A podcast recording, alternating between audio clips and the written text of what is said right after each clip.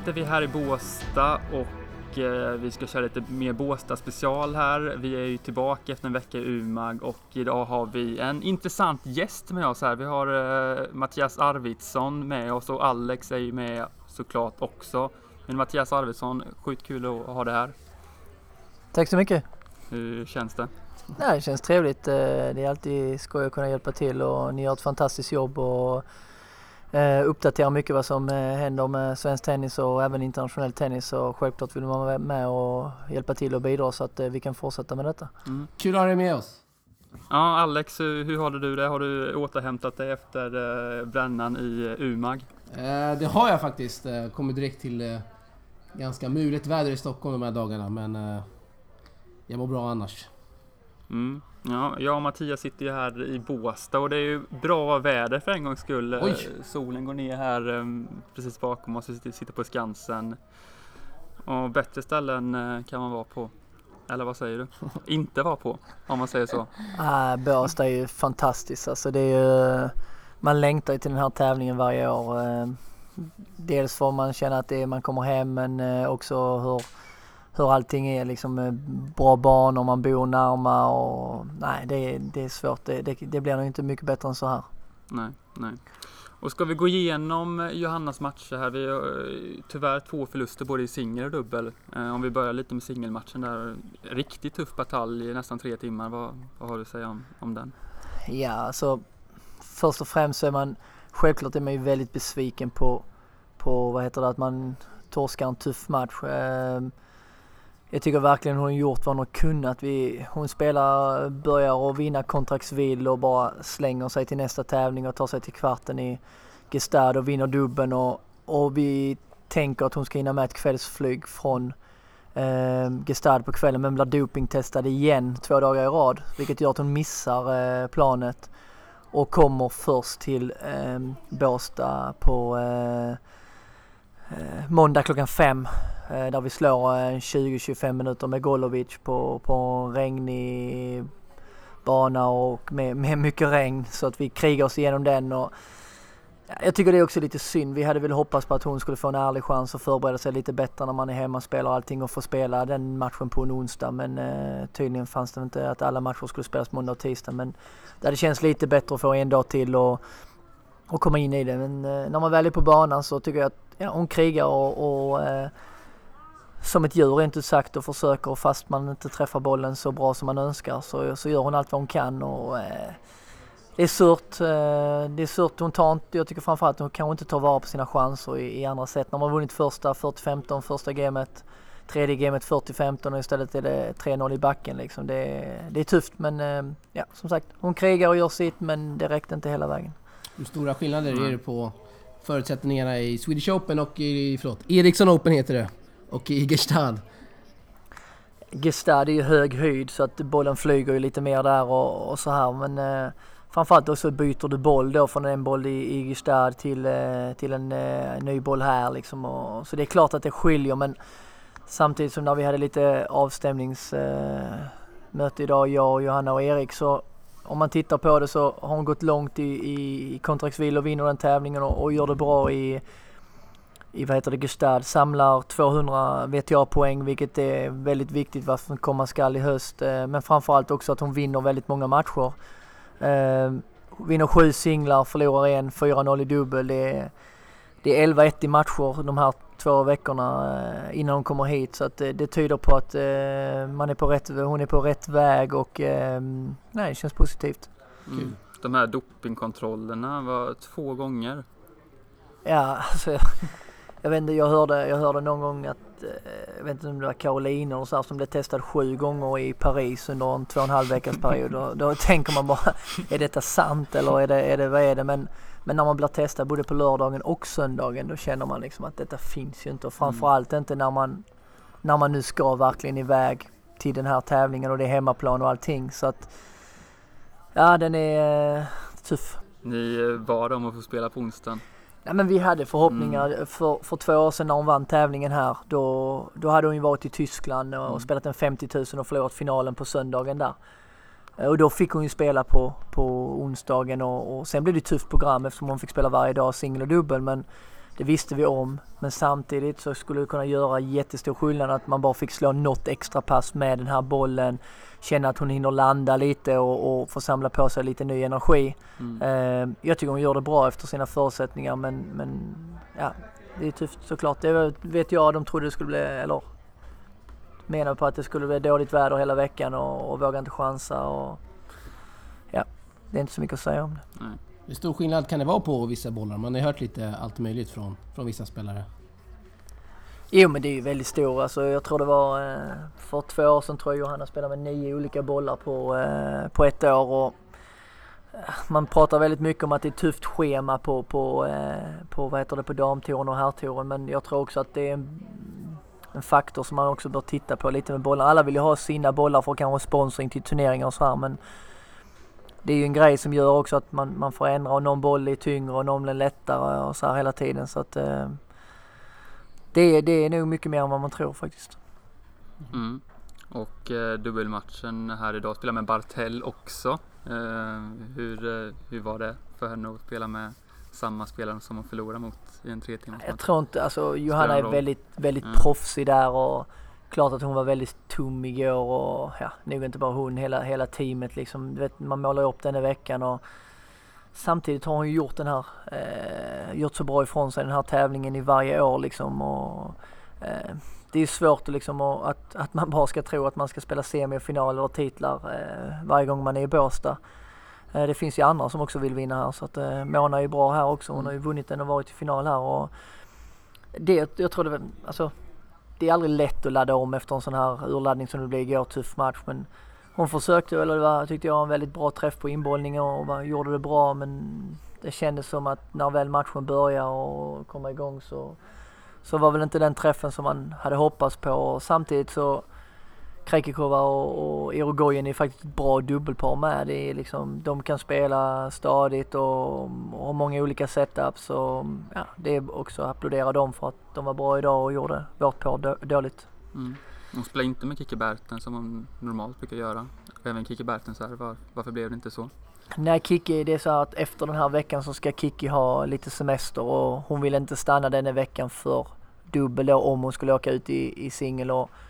Det, vi har ju väldigt bra dialog med dem. Det är som att innan så var det ju så här att eh, vi försökte alltid spela att Johanna skulle spela Rosmalen då med Kiki eftersom det var hennes hemmatävling och Kiki skulle spela med Johanna här. Men det har inte riktigt passat in i någon planering och då har vi försökt eh, tidigt planera andra grejer. Och, Mona är också, tycker jag, en intressant dubbelpartner. Hon är eh, stabil och, och bra krut i bössan och, och så här. Så att, eh, ja, det är klart att man kan säga att man förlorar för att man inte är samspelt eller här. Men som sagt ett, ett bra par de möter och eh, en tuff lottning. Jag, jag skulle nog faktiskt säga att eh, jag håller nästan dem som favorit som slutseger eh, om inget speciellt händer. Du nämnde höghöjder innan Mattias. Jag, jag vet att jag och Jakob har pratat det, om det tidigare. Är Johanna lite en specialist när det gäller höghöjd? Ja, det vet jag inte om hon är men eh, vi hade en rolig story här, eh, eller rolig och rolig men 2000, 2014 eh, hade Johanna åkt ut i, mot Kaja Kanepi här i Båstad i första omgången och ja, det, det var väl många som trodde hon var slut och vi var väl alla nere för räkning men vi satt och hade ett möte och bestämde oss att vi skulle åka till Bogota och spela en, en, 100 000 där och vet, hon sa till mig Mattias jag tror inte du fattar hur svårt det är och sånt och jag bara skrattade. Ja men det kom igen, det, det, nu kör vi liksom. Jag kommer aldrig glömma det. Vi kom dit, vi slog några bollar i lilla fältet och backade bak och första bollen jag matar till henne sätter jag en meter utanför banan. Den var flög. Jag rörde knappt bollen och så skrattade hon, vad gör du liksom? Och sen matar hon en ny boll till mig och då sitter den mitt på baslinjen.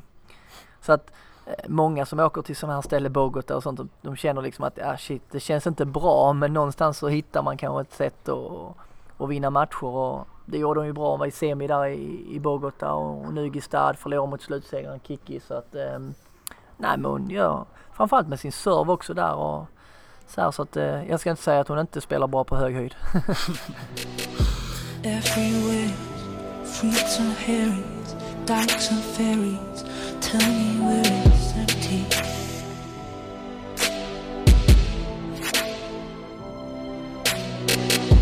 Tax feed the poor, till are no more. Så är det verkligen och eh, vi ska ju snacka lite, du är ju Fed kapten och eh, du borde vara väldigt nöjd nu med tanke på de stora svenska framgångarna på, på damsidan. Och vi har ju sett flera, tyvärr har ju alla åkt ut i eh, första omgången under eh, Ericsson Open här nu som det heter men eh, du borde vara väldigt nöjd med det du ser. Ja, definitivt. Alltså jag, alltså jag tycker så här att om vi nu pratar damsidan så tycker jag att ibland är det många som pratar väldigt negativt om svensk tennis och så här men eh, jag tycker faktiskt att det finns väldigt mycket ljust i svensk tennis. Eh, jag tycker också att om man tittar på det här nu så ibland ska man växa in i en kostym med. Vi börjar med Miriam som, som börjar liksom och får kvala till massa tävlingar men tar steg för steg eh, hela tiden. Jag såg henne på Fed Cup-läger i Helsingborg i april. Hon var och tränade med Johanna eh, någon dag i, i maj i Helsingborg och nu här har hon blivit bättre och bättre hela tiden och, och jättekul med de här tävlingarna och när man tar första titeln på seniornivå så tänker man att det kan lätt bli att man, man åker till nästa tävling och, och får smaka på en käftsmäll men istället så gör hon det superbra och eh, tar sig till final och sen bara packa väskan för att slänga sig hit här eh, och gör det väldigt bra tycker jag. Eh, så som man, hon kommer in på centerkorten, vinkar till publiken, eh, den proffsigheten hon visar upp, 18 eh, år jag tycker det är bara att applådera det. Det är väldigt skoj att se och det är väldigt många som ska se och lära av hur hon gör eh, här. Mm. Sen tycker jag att eh, jag tycker det är väldigt kul med Cornelia som eh, kvalar in i sin andra VTA och man sitter alltid och diskuterar alltid vem ska ha wildcard, vem ska inte ha wildcard och så vidare och så vidare. Men det Cornelia gör att man kvalar in, jag tror det är också nyttigt för många tjejer att man, att man får göra det. Ibland får man också wildcard hela tiden och oj det var första omgången första omgången. Men när hon kliver in så är hon ju en, en vinnare redan där och då ska man ju veta också att hon kom ju också från Gestad. Hon var ju semifinal i dubbel i, i Gestad och förlorade mot Johanna och Kiki och kommer hit och knappt sovit någonting på natten och krigar hem två matcher mot, tycker jag, i en väldigt tuff kvalgrupp med Danka, Kovnic och eh, Chirico där. Två bra segrar och Sen att hon är trött när man ska gå in i huvudtävling, absolut. Eh, det är, så, det är tufft men jag tycker hon gör det väldigt bra och, och i dubbel också. Det var väldigt kul att ha henne i Fed Cup tycker jag. Hon eh, positiv energi och vinnarskalle och så här. Så att, eh, väldigt kul att ha Rebecca tillbaka med mm. eh, som inte behövde så många matcher från hon stod som eh, slutsegrare direkt. Eh, hon har ju en hög nivå och tuff lottning mot Sinjakova som var final här förra året och nu är klar för kvarten. Um, men jag tycker det är skoj. Um, det är en sak som Johanna brukar säga att uh, hon längtar ju att få lite fler svenskar på, på VTA-touren om man säger så, och som spelar där varje vecka. Och det var ju väldigt mycket på gång med både Selik och um, Rebecca förra året. Och, mm. uh, för oss alla så hade det varit uh, kul om, om det smällde till här lite och vi kunde vara fler där ute och jobba tillsammans. Mm. Mm. Ja, med Björklund där eh, stod vi i matchen tillsammans där. Väldigt intressant, mycket näve, eh, fin attityd. Vad, vad betyder det att gå in så? Hon var ju väldigt hänsynslös. Vad betyder det? Fram? Nej men eh, alltså, jag tycker det, är sådana grejer som är viktigt och det sänder också signaler till en motståndare att oj, eh, jag är faktiskt här för att vinna. Det var lite det jag pratade med Kajsa Rinaldo Persson inför hennes första omgång i, i kvalet och så sa jag det till henne också att nu, ni är så pass bra så det gäller att, att vara redo här. Det, det är liksom inte tro att ni ska, är här för att bara deltaga och, och visa upp lite eh, på en dag utan ni, nu är ni här för att vinna de här matcherna. Och jag tror att det är en viktig grej som kommer eh, spelas in här. Att, att vi måste börja tro på oss mycket, mycket mer. Vi måste våga sticka ut och, och, och visa att eh, vi ska vinna de här matcherna och eh, våga säga att nu, nu jäklar ska det hända liksom. Det, eh, ja, vi, får inte, vi får inte vika ner oss, vi måste vara tuffa och det tycker jag många av de här öststaterna är experter på. De är, jag tycker inte de är bättre än oss i tennis, absolut inte, men, men de är väldigt bra på att kriga in bollen, kämpa, hitta en väg och vinna och ja, de är bra där. Mm. Och vi har ju även journalister där som du också nämnde Eh, ta sig in i sin andra VTA-tävling genom kval i singel ska vi säga den det här året och, eh, och det ser ut att eh, även kunna lossna för henne också. Ja, jag tror lite när vi pratade i Fed Cup, då sa hon ju lite att det var dubbeln framförallt som, som var huvudpunkten, eh, vilket jag tycker är helt rätt för nu är hon så närma topp 100 och det kan ju bli lite så att singeln blir lite lidande ibland där. Och jag tycker när man tar de här små stegen så absolut, men när man samtidigt får chansen att spela eh, lite singeltävlingar och så, att hon gör det hela tiden för det kommer också utveckla hennes dubbelspel. Mm. Um, och som sagt två, två inkvalningar här på väldigt kort tid och det är positivt men jag tycker också att hon går in med den attityden att hon inte är rädd utan hon är här för att vinna och det kommer man väldigt långt med och jag har inte respekt för någon utan jag tror, jag tror på mig själv och ja det, det är skoj att se. Mm. Kul. Härligt. Eh, Sen är det ju många, sen tycker jag det var väldigt, väldigt skoj att eh, som Ellen Algurin också att hon, hon är tillbaka och börjar göra resultat och samlat på sig mycket poäng och, och, och även ta en bra seger här i första omgången i kvalet och sen tycker jag hon förlorar mot en bra Arantxa Rus. Eh, kul också att så många får chansen här i dubblarna och Eh, få chansen att spela och visa upp sig och vara i den här miljön. Och sen är det ju väldigt viktigt för tjejerna att, att man hänger här hela tiden. Eh, det är också någonting som är lärdom att man man ser vissa tjejer har varit väldigt duktiga på det och försökt träna med, med, med bra spelare hela tiden och få, få eh, chansen att slå mot dem och, och andra behöver kanske lära sig att ta de chanserna. Jag tror också det kommer vara viktigt att, att man har coacher runt omkring sig som, som brinner mycket för det här och, och som är beredda att om det är tidig morgon eller sen kväll men, men ta alla möjligheter vi kan eh, för att komma och här för att när vi får chanserna det är inte så ofta de får spela och vara nära en VTA-tävling och då, då måste man verkligen eh, hugga där ordentligt. Vad har du mer fått för intryck eh, från den här veckan? Det har ju inte gått så lång tid än. Vi ska säga att det är onsdag idag. Eh, var, hur känns det? Känns, eh, känns det? Det är ju många bra spelare här. Absolut, nej men eh, Vad om betyder ska... det här för svensk tennis den här Nej tävlingen? men jag tror det. Alltså även för många av våra yngre som ska komma, komma fram. Sen tror jag det finns, är väldigt bra att man ser till exempel en Miriam då som inte är så gammal och, och går in och skakar eh, spelare med bra ranking och, och även de andra att he, jobbar man och hänger i så, så kommer chanserna med. Och jag tror ibland igen att, att många stirrar sig blinda, "Ja, jag fick inte wildcard här, jag fick inte wildcard. Men, men ofta så är det ju faktiskt så här att man man förtjänar wildcard och det, det tror jag det är det enda jag kan pusha för om det är olika nivåer. Att man ska jobba stenhårt och, och, och göra de bitarna och då, då får man de här grejerna med. om. gör man bra resultat, ja då ligger man bättre till såklart. Och sen är det alltid, en dag tycker man att ja men jag skulle haft detta eller jag skulle inte haft det. det men så är det och det, jag tycker man får bara, man får bara in och visa igen att, att man är värd de här chanserna och eh, jobba på. Mm. Tycker också att eh, eh, väldigt eh, imponerad av en sån som Jackie som varit borta lite på eh, skador och sjukdomar och så här. Komma tillbaka och, och kommer med två titlar Mm. hit här. Det är skoj och, och dessutom i den sista finalen eh, ligga under med set och, och var det både 5-3 och sen var det 4-2 i avgörande. Mm. Och, ehm, en väldigt, tycker jag, god tjej och, och har väldigt mycket tennis i sig. Mm. Jag tycker faktiskt att tjejerna är en, en väldigt bra grupp. Ehm, många duktiga och jag, det hade varit fantastiskt kul om det kunde vara en stor sponsor som kunde komma in och göra det möjligt att det blir en riktig, riktig, riktig satsning. Mm. Så att de kan ha med sig coach väldigt mycket, ligga och träna bra hela tiden och, och ha alla, se till att alla har bra baser. För då, ja, ja, jag tror det finns goda möjligheter att, eh, att eh, svensk tennis damsida som vi pratade om då, det kommer eh, se väldigt god ut då.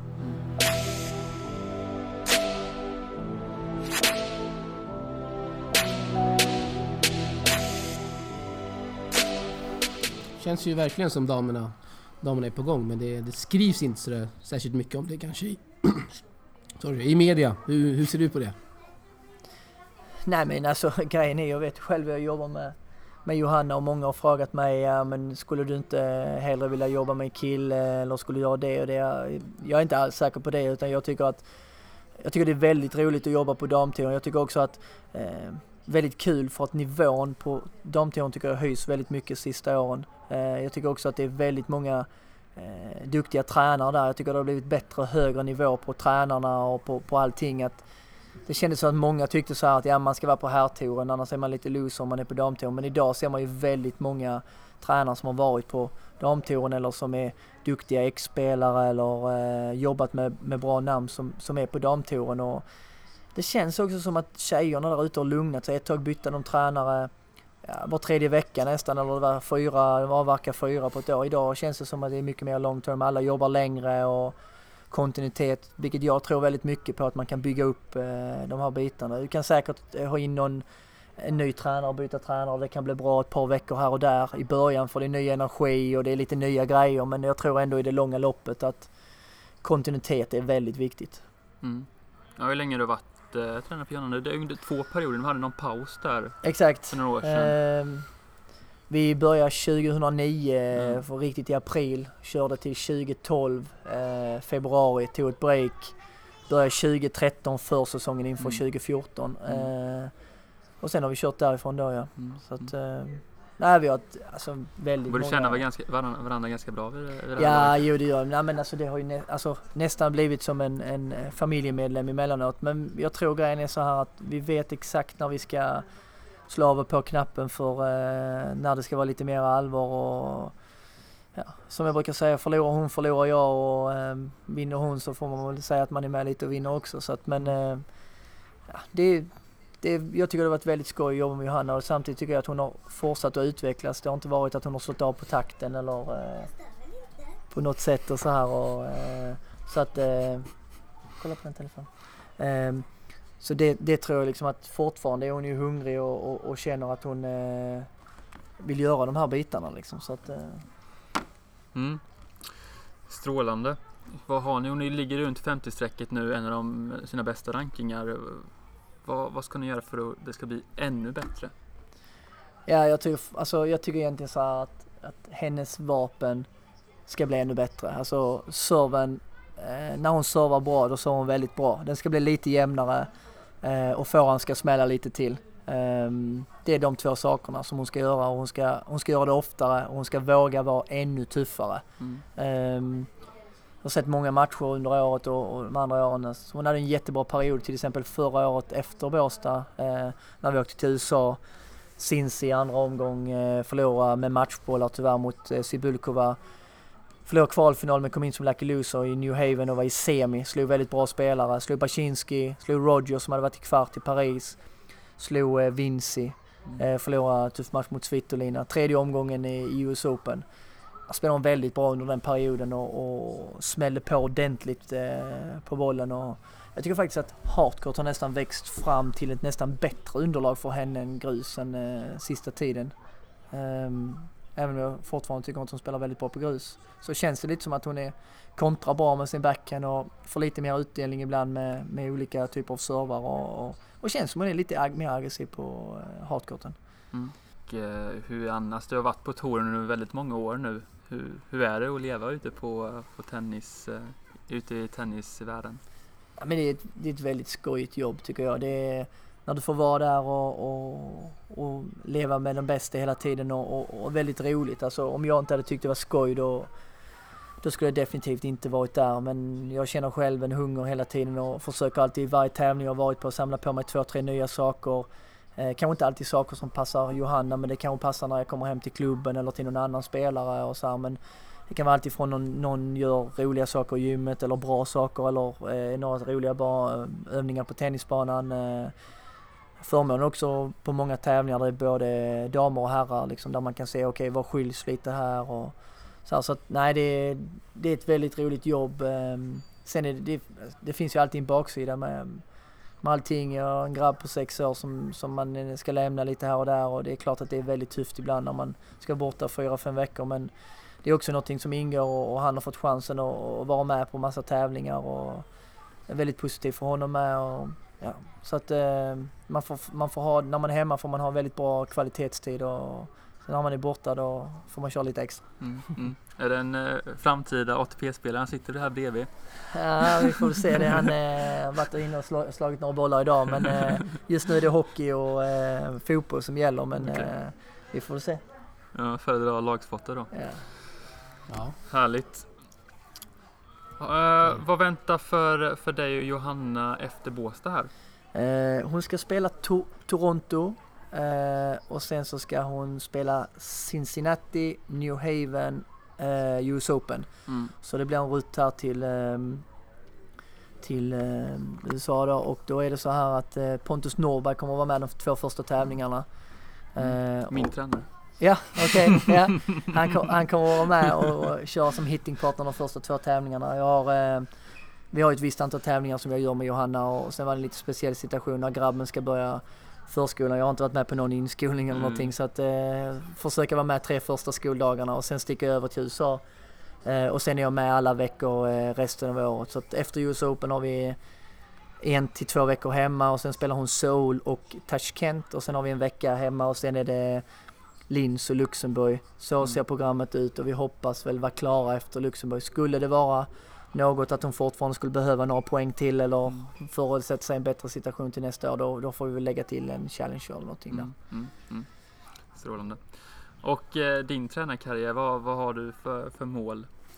Eh, om vi ser till just, du är ju Fed Cup-kapten, tränare till Sveriges bästa spelare. Det känns som du eh, har lyckats väldigt bra. Ja, alltså jag har väl alltid tänkt så här att oavsett om jag tränar en eh, någon som är 10 år eller 15 år eller det är en, en spelare eller vuxentennis eller det är en hobbyspelare så har jag alltid tänkt att man ska gå in med hjärtat och, och, och man ska göra allt vad man kan för att vi ska fånga alla på tennisbanan och jag tror kanske att eh, alltså mitt engagemang och min attityd är kanske det som jag har tagit med mig eh, som jag har känt att det här ska jag hela tiden eh, vara där och, och framförallt tror jag också en annan sak att jag alltid är där i med och motgång. Jag tycker det är väldigt många som flyr när det går dåligt och ta som vi har en tuff vecka här men det är nu det gäller att vara där och det är nu det gäller att och, och hjälpas åt och, och knyta näven i fickan och, och visa att ja, vi ska komma tillbaka här nästa år och, och då ska alla bara säga shit, det har hänt väldigt mycket på det här året och det, det är väldigt imponerande. Så att det är väl det man jobbar med hela, hela, hela tiden och, och ehm, försöker jobba med. Mm. Mm. Mm. Mattias, när vi träffades i Australien så sa du att det vore kul att sätta en smäll på näsan för alla som hackar ner på svensk tennis. Och vi har ju sett enorm framgång här för damerna på sistone. Vad, vad känner Ja, du? nej men, nej men absolut och jag tycker det är att Alltså det är alltid lätt att man kommer tillbaka att så var det innan och det har varit så tidigare och tidigare. Ja, exakt det har vi och, och, och det tycker jag alltså väldigt skoj. Jag tycker också det är väldigt skoj att, att man ser de här nu som många av våra ex-spelare nu jobbar.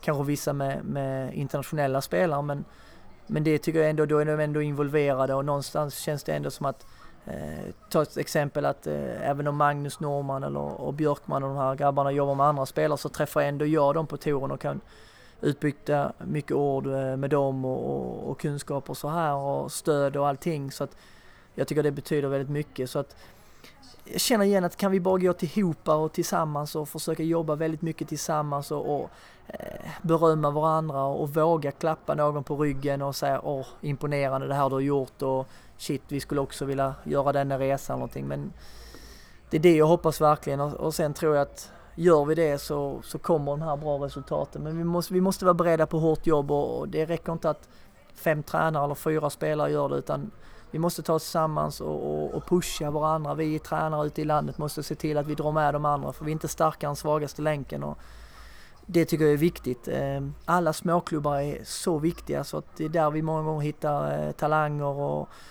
och, de första intressen väcks där. Att vi, att vi kan få dem och en bra start på tennisen så de, så de känner att nej men jag måste tillbaka här imorgon igen och igen och igen. Ehm, jag hoppas och, och, och skulle önska faktiskt att, att tränare skulle drömma lite mer. Eh, jag tror också det är en av de grejerna som har tagit mig var jag är idag. Att jag har haft, jag har drömmar och målsättningar eh, och pushat mig själv till de här sakerna. Att, eh, förr så drömde man kanske att man skulle få jobba med en tävlingsspelare som kanske skulle kunna vinna en match i Skummeslöv eller någonting. Men man har hela tiden flyttat fram positionerna och jag tror också det är det som har drivit mig till vansinne att jag ska komma vidare hela tiden och, och, och det skulle jag verkligen vilja se. Många spelare säger att de vill bli eh, kanske topp 10, topp 100 eller vad vi pratar om eller, eller vissa pratar om att jag vill nå college till en bra skola eller, eller vad det är jag vill komma med på ett lag-EM. Tror att det är inte fel för oss tränare att verkligen drömma och ha bra målsättningar själv för att jag tror det är svårt att jobba utan mål också så att eh, det är väl något som jag hade önskat att, att fler hade kanske satt, eh, satt upp eh, lite individuella mål tillsammans eller också mål med klubbarna. Att var ser jag mig själv om, om två år eller tre år? Um, jag själv, om jag skulle säga var jag ser mig själv, ja det är väldigt svårt att säga. uh, men jag känner att jag älskar tennis och, och om jag inte skulle jobba med Johanna så, så känner jag att jag skulle jag har inga problem att gå ner och skulle hjälpa en 15-åring eller en 12-åring eller, eller jobba med fyra 9-åringar. Eh, jag är beredd att hoppa in eh, var det, var det behövs hjälp och, och, och, kriga för att det ska bli bättre just de spelarna jag ska ta hand om. Men eh, samtidigt så tycker jag att det är extra kul att vara involverad i, i, i svensk tennis eh, och försöka hjälpa oss till att bli ännu bättre. Mm. Nu har vi två svenska damspelare topp 100 på, på VTA. När? Mm. Eh, nej men jag, jag, jag säger Rebecka. Eh, jag tycker Rebecka är bra. Jag tycker hon har eh, många vapen och eh, hon hade, jag tycker hon hade lite bad luck där med, med att hon hade en skada och mm. samtidigt tycker jag det är viktigt att man inte, att man inte stressar och säger att eh, december 2017 då ska hon ligga där utan jag tycker det, det, får ta den tid det tar, men jag är helt övertygad att hon kommer gå in, gå in på topp 100 och eh, sen om det är 2018 i januari eller det är 2018 november, eh, så här sa vi med Johanna när hon sa, när vi hade en klar målsättning, hon ska in på topp 100, och sa vi när hon väl går, på, går in på topp 100 så ska hon vara så stabil, stadig, jämn, så hon ska inte trilla ur från topp 100. Mm. Och tittar man från när det hände 2010 till idag så tror hon har varit utanför jag tror det är två gånger, men jag tror det är max fyra, fem veckor totalt mm. utanför. Och bara varit och vänt och sen har hon varit. Så att det var en grej som man ändå får, får säga. Och det, det tycker jag att hon ska vara väldigt stolt över själv med att man har hållit sig på den nivån jämnt bra länge. För det är många som går in och inne ett, två år och sen så flyger de ut. Så att uh, nu, nu ska hon bara ta nästa steg också så att Vad ser du skiljer eh, mellan spelare rankade, säg topp 100 mot de som är 4, 5, 600 i världen?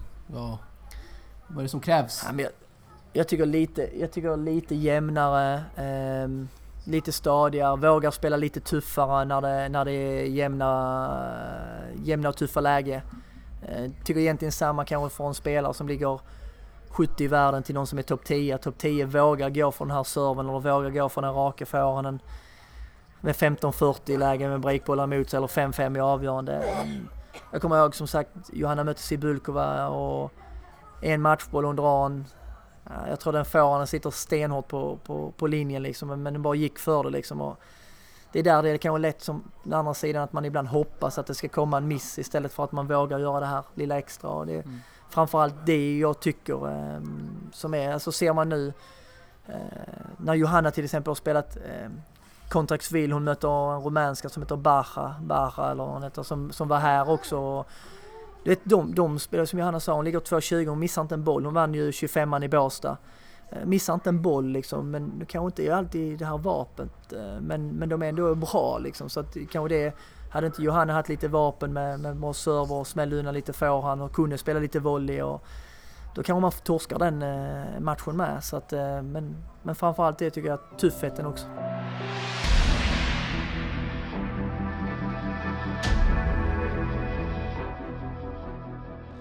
Härligt. Uh, ska vi avsluta med några snabba frågor? Vi har ju kan en rutinerad uh, personer som har varit ute på touren i många år och uh, du kan ju dem bäst. Vad ska vi börja med? Sämsta, sämsta hotellet? Sämsta hotellet måste vi ändå köra med. är det populär? Sämsta hotellet? Ja, det, det är egentligen alltså... Uh, USA? nej, USA brukar vara bra. Ehm, Menar du på VTA-touren eller? Ja, precis.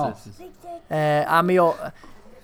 Tashkent är inget superställe om man säger så här med, med uh, Uzbekistan. Uh, men grejen är att vi ska åka dit igen. Men tävlingen är bra. Men, men jag kan inte heller säga att det är Det var faktiskt väldigt stadig frukost. Uh, sängarna är okej. Okay, men det, det som man ibland känner när man reser det är väl att en bra säng, bra internet och, och, en skön dusch. då är man ofta hemma. Mm. Um, men eh, nej, man kan få säga Tashkent men, men ingen överkryssad geting utan den är fortfarande med i matchen. Så, att, så, så dåligt är det inte så att det är ingen som behöver vara rädd för att åka dit. Stökigt. Yes, och eh, var finns de sämsta banorna någonstans? Mm. Sämsta banorna? Ah, Marocko Marocko i år var inte bra alltså. Det var... En del som säger Marocko faktiskt. Ja, nej men grejen var de var väldigt torra och nej, det skildes väldigt mycket från träningsbanorna till, till matchbanorna och ja, jag får säga, jag tror man är också väldigt bortskämd med bra banor. Eh. Nej, jag, jag tar tillbaka den. Marocko var sådär men Nürnberg var nog sämre i år alltså. Nürnberg får ett eh, minus och eh, så stort land som Tyskland tycker jag inte ska behöva ha några dåliga banor på en WTA-tävling. Eh, Vad var det för fel på dem? Ja, det var, det var eh, puckelpiss. Mycket gropar. oklart.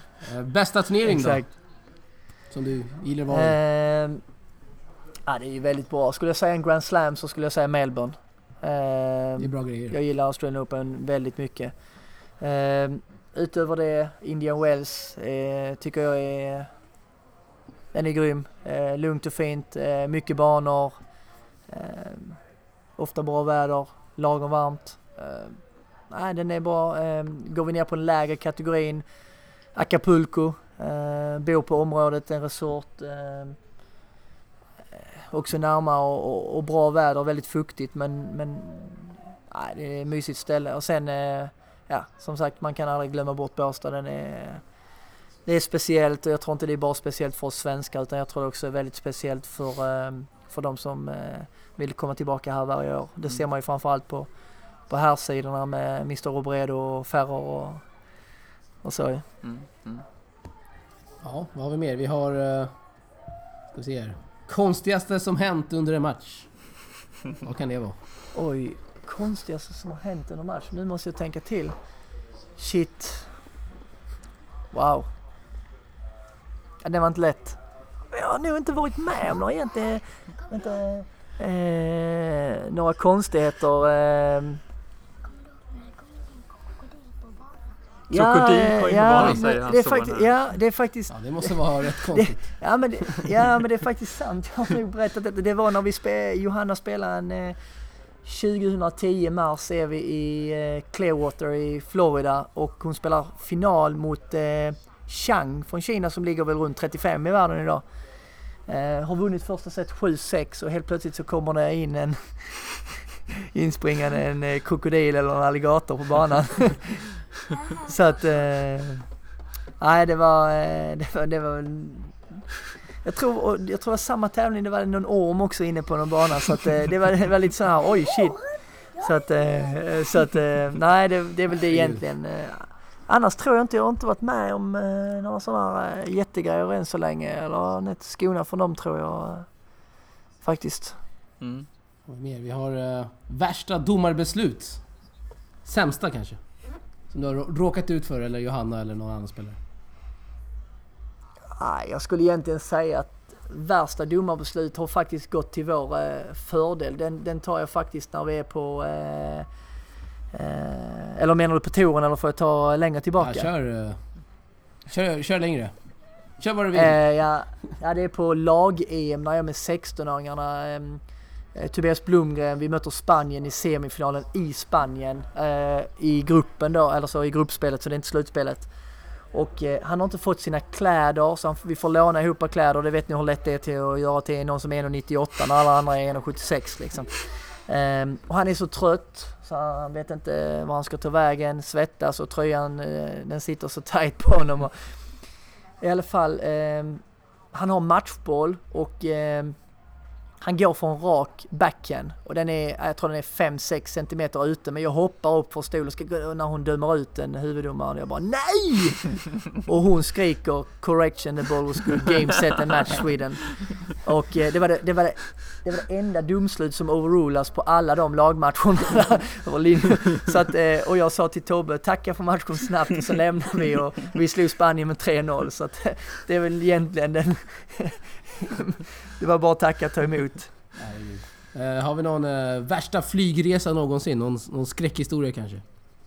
Eh, ja, eh, det får jag nog säga. Vi, eh, jag blev faktiskt lite rädd måste jag säga. Vi hade varit i, jag tror vi hade varit i, i Rio och så skulle vi flyga vidare till Acapulco. Eh, och vi flög från Houston tror jag det var.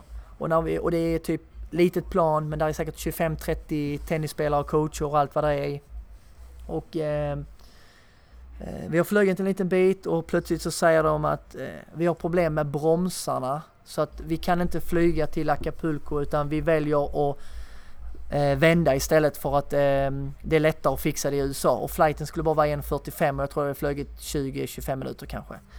Och vet, när man tänker bromsarna, okej, okay, ja men det är kanske okej. Okay. Och sen ligger vi bara och cirklar runt för vi kan inte landa med så mycket bränsle så de måste först göra av med bränsle. Och det, då börjar ju tankarna när man tittar på, på varandra och Johanna sitter väl 6-7 säte bak och hon är rätt så flygrädd så att man försöker ändå hålla god min och sen när vi väl ska landa så säger de ja och tar ni på er säkerhetsbälte och sen säger hon en gång till eh, se till att ni verkligen har tagit på er säkerhetsbälte. Och då kommer jag ihåg när man när hon säger det då tänker man bara shit, det här känns ju inte roligt. Så jag spände lite extra där och bara hoppades liksom och man, man var nästan på väg att kanske skicka ett sms att händer, händer någonting så, så ta hand om dem som är där hemma. Men eh, det gick bra och sen eh, var vi bara nere i luft, eh, var bara nere en eh, 40 minuter sen upp i luften igen och allt gick bra. Så att, men, men tankarna hann faktiskt komma där.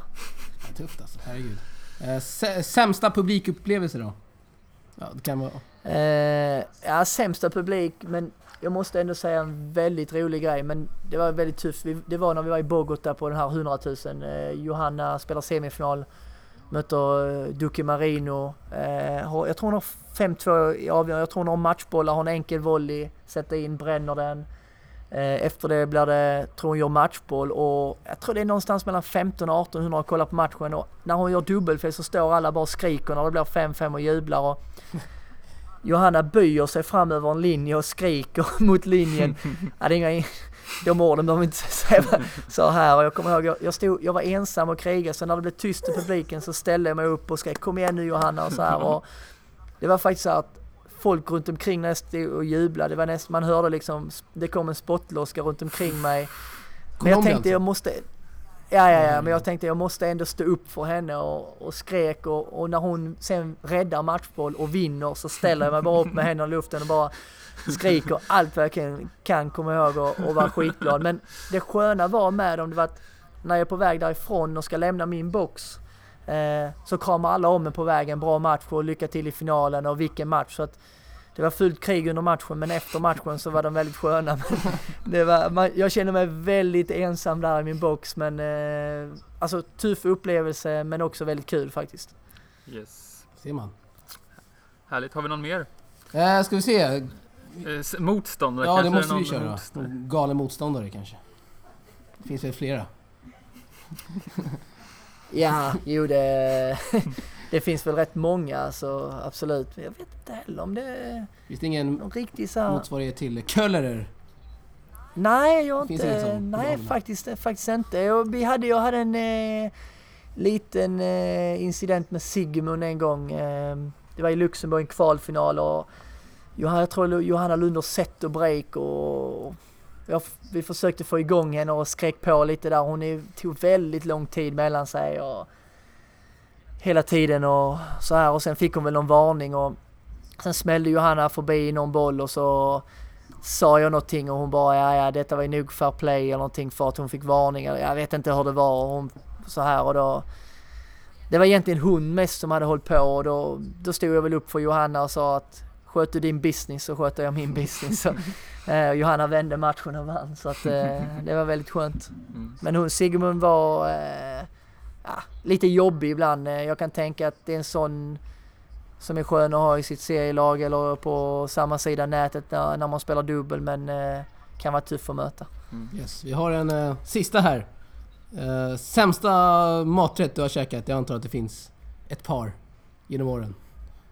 Ah, ja, jag, jag tror faktiskt att det var när vi var på individuella EM i Moskva. Eh, det var någon slemmig fisk var det. Det var helt, helt sjuk alltså. Jag, eh, vi försökte att eh, äta där och ingen av, vi var två killar och två tjejer och ingen, ingen av dem eh, ville ha det och jag sa så här att okej okay, eh, den här fisken kan ni lämna på tallriken. Nu går vi ner där nere. Jag vet att här finns eh, eh, bra pizza och den går vi ner och tar för att det ändå kommer ändå vara viktigt att, att få mat nu och eh, vi tar en pizza. Jag tror aldrig jag har blivit tackad så mycket som det och framförallt Berta sa det, det är det bästa beslutet du tagit i din tränarkarriär, sa han till mig. Så att han älskar mig lite mer efter den resan. Kul alltså. Bra grejer. Ja. Skitbra. Härligt. Eh, har vi något mer eller ska vi tacka Mattias så mycket för att du ställde upp? Det gör vi. Stort tack Mattias. Ja, Ja tack Skitbra. tack och jag hoppas att eh, alla tränare kan eh, hjälpa till och bidra med, så ni får mycket information och mycket news och updates hela tiden. Det, jag tycker det är väldigt skoj att ni gör så bra jobb så att fortsätt eh, att jobba så. mm, mm. Det uppskattas. Tack så mycket. Tack så mycket för de orden och vi ska ju fortsätta här. Ja, herregud. Eh, Vi kör på. med lite fler poddar här i Båstad tänker vi. Så, så håll er uppdaterade på våra medier här så, så kör vi helt enkelt. Yes, Ha det bra. Ha det så bra. Tja! Tack tack tack.